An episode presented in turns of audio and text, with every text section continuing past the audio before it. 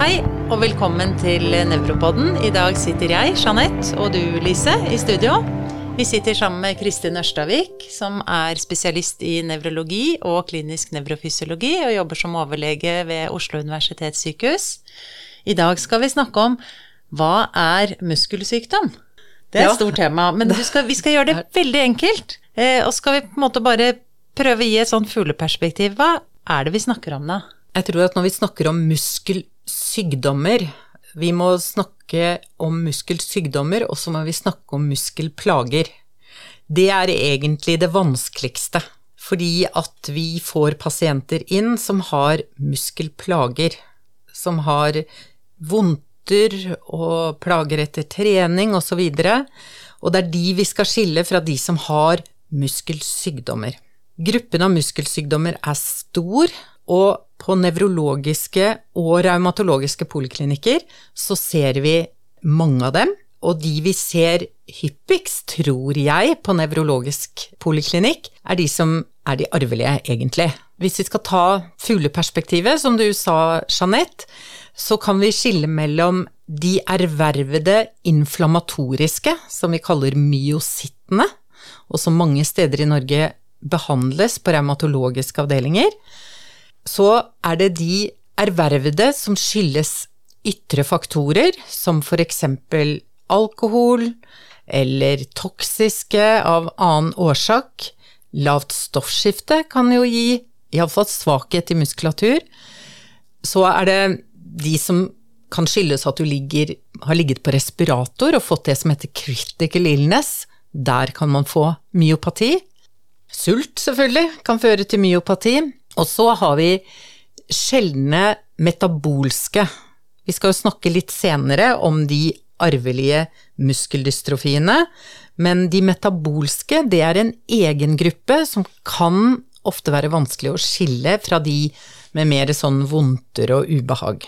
Men da er det også en del ting vi kan bruke som kjennetegn for å tenke at dette har noe med det metabolismen å gjøre. Ja, og så har du de mitokondrielle også. Så har vi de mitokondrielle. Det er jo ofte muskelsykdommer hvor pasientene har affeksjon også andre organer.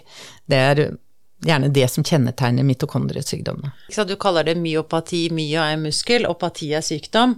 Sånn som vi har snakket om før, Lise, i, i Nevropoden, så går det an å ha masse huskeregler for hvordan ulike sykdommer man har i de ulike stedene i, i både nervesystem og muskel. Og da kan vi jo bare nevne dette med nevrologi 1, 2, 3, den episoden hvor vi nevnte Midnight, da. Ja. Midnight, akronymet, og som jeg pleier å bruke, men man kan jo bruke hvilket man vil. Men hvis jeg går øverst, da, metabolsk, sånn som du sier, det fins metabolske årsaker.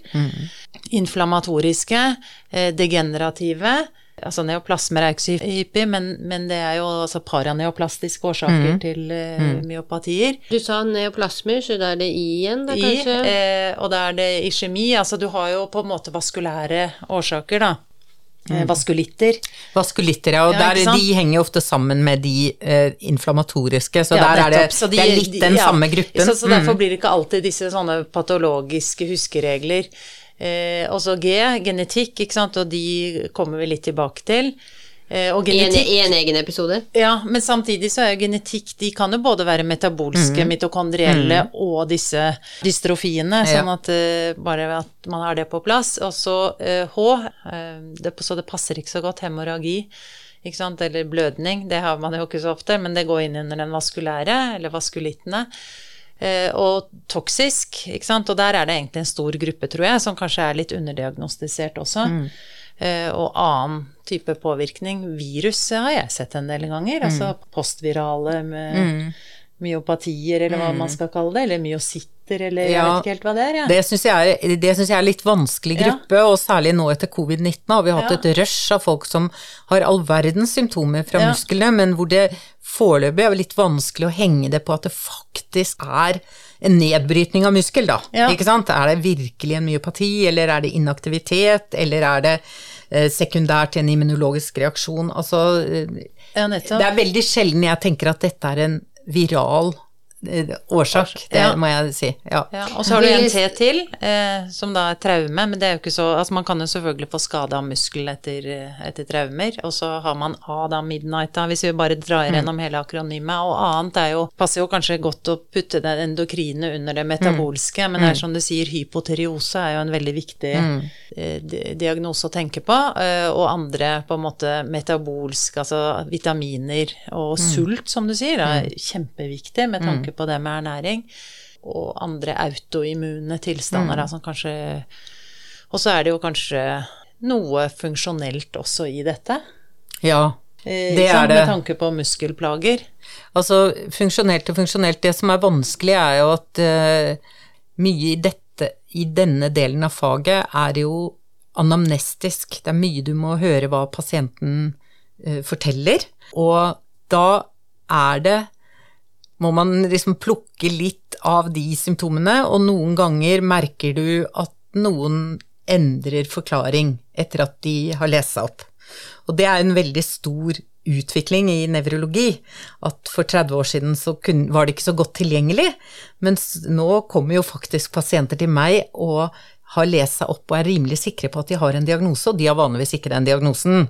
Så de, det er mer den funksjonelle eh, biten, tenker jeg. Ikke Ja, så tenker jeg at det eller kanskje funksjonelt kan være så bredt som Ja. at det vi ikke finner noen forklaring til, eller det Ja, som kanskje er en del av en normal fysiologi. Ja, Det er jo noe som ja. vi har snakket om før, at det er klart at det er forskjell på Marit Bjørgen sin muskulatur og min. Ja, ja. Ikke sant? Sånn at Eller funksjonelt, funksjonelt er vel egentlig bare endring eller tap Ja. av en funksjon, da, Ja. uten at vi Såpass eh, Det er ikke noe voluntært eller noe sånt. Nei, og jeg tenker at spekteret på en måte i en normalfunksjon er ganske stor. At noen har litt sånn ideell muskulatur, andre Ja, har kanskje litt absolutt. mer eh, dårlig muskulatur. Som du sa, det er en kjempestor gruppe, eh, men hvor vi nevrologer, hva er det liksom vi jobber mest med da? Altså som du sier, genetikken. Mm. Og inne i den genetikken så jobber vi som ne voksennevrologer mest med Jo, det er nok nok og myotonika, dystrofia og humoral muskeldystrofi og limb-girdle muskeldystrofi. Men vi skal ikke glemme at vi har en stor gruppe av andre medfødte myopatier, som de heter, og at en del av de arvelige nevropatiene jo kan vise seg mest som muskelaffeksjon. CMT-gruppen, Ja. Charcot-Marie-Tooth-gruppen, som vi ikke skal snakke om her, og de såkalte eh, arvelige motonevronsykdommene, spinal muskelatrofi. Ja, ikke sant, som er en stor gruppe, og, og og som også har begynt å få litt behandling. Ja. Hva er det viktigste å tenke på når man skal utrede disse pasientene? Ja, det er jo den kliniske undersøkelsen som alltid, eh, og så vil det være eh, supplerende undersøkelser med tanke på de ervervede, med vitaminstatus og eh, diabetes kan jo også gi myopati, eh, hypotyreose, B12-mangel, disse, og så CK. Alltid CK, og vi tar også alltid leverprøve ASAT ALAT, eh, som ofte vil være forhøyet ved høy CK, av at de lekker også ut av eh, muskelcellene. Så tar vi også ofte laktat, for med tanke på kan det være en mitokondriesykdom. Ikke så ofte jeg får napp, og det utelukker ikke mitokondriesykdom. Eh, I tillegg til en del annen supplerende Mm. undersøkelser, selvfølgelig. Mm. Både med EMG, nevrografi, muskelbiopsi, som kanskje er i mindre bruk enn dagen Ja. Før. Og så selvfølgelig genetiske mm. analyser, og det tror jeg ikke vi går inn på her. Men, men hvilken rolle har MR for å hjelpe deg med distribusjon av atrofi? Det som er med MR, er at vi er ikke gode nok, og vi har ikke god nok kapasitet på MR av muskel til at noen kan liksom subspesialisere seg på distribusjon. Men vi bruker det av og til, særlig i diskusjon internasjonalt, ta bilder og vise. Eh, og det er viss, og da har vi gjerne gått gjennom genetikken. Så vi har liksom ikke funnet det ved genetikken, og da går vi videre med MR og muskelbiopsi. Og så er MR ganske viktig hvis du ønsker å finne et ideelt område å ta muskelbiopsi. Revmatologene gjør jo det alltid når de skal ta muskelbiopsi til myosittdiagnostikk, fordi at det er ikke noe vits å ta muskelbiopsi fra en muskel som er helt tilbakedannet, f.eks. Da får du bare branntomter. Ja, ikke sant? Jeg har Mm. hørt en tommelfingerregler om at man må ha ca.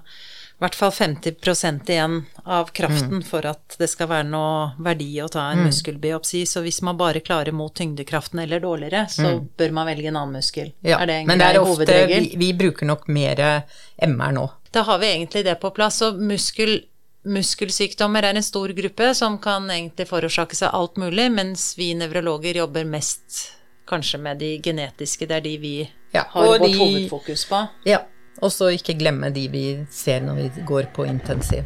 Og de pasientene, kachektiske og dårlige pasienter, kan jo veldig ofte få myopati. Tusen takk for en kort og fin oversikt over hva muskelsykdommer er.